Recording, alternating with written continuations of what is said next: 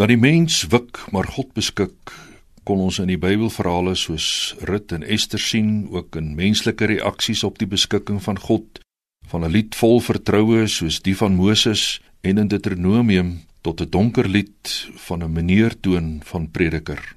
Wat dra ons vandag deur optimistiese tye waarin ons 'n vertrouenslied kan sing soos Moses, om te weet en te ervaar soos Rut dat God sorg? Om te weet dat God in ons menslike geskiedenis werksaam bly soos wat Ester dit ervaar het? Wat dra ons deur pessimistiese tye soos wat die prediker erg pessimisties klink met sy siening dat die lewe eintlik maar 'n dobbelspel is? Die antwoord sal maar net geloof wees. Paulus wat onder andere aan die einde van Romeine hoofstuk 4 en die begin van hoofstuk 5 soveel oor die betekenis van geloof skryf. In Romeine 5 vers Deur hom het ons in die geloof ook die vrye toegang verkry tot hierdie genade waarin ons nou vas staan.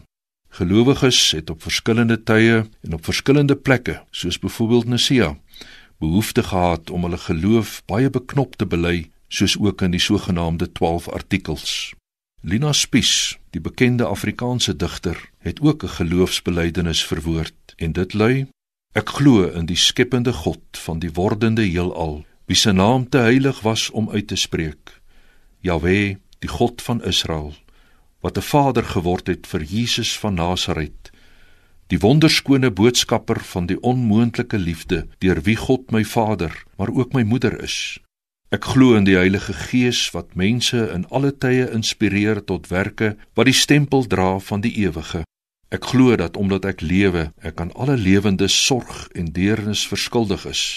En ek glo dat as ek sterf, ek opgeneem sal word in die durende siklus van vernuwing en verval en dat die lewe triomfeer in elke geboortekreet omdat die lewe magtiger is as die dood. Amen.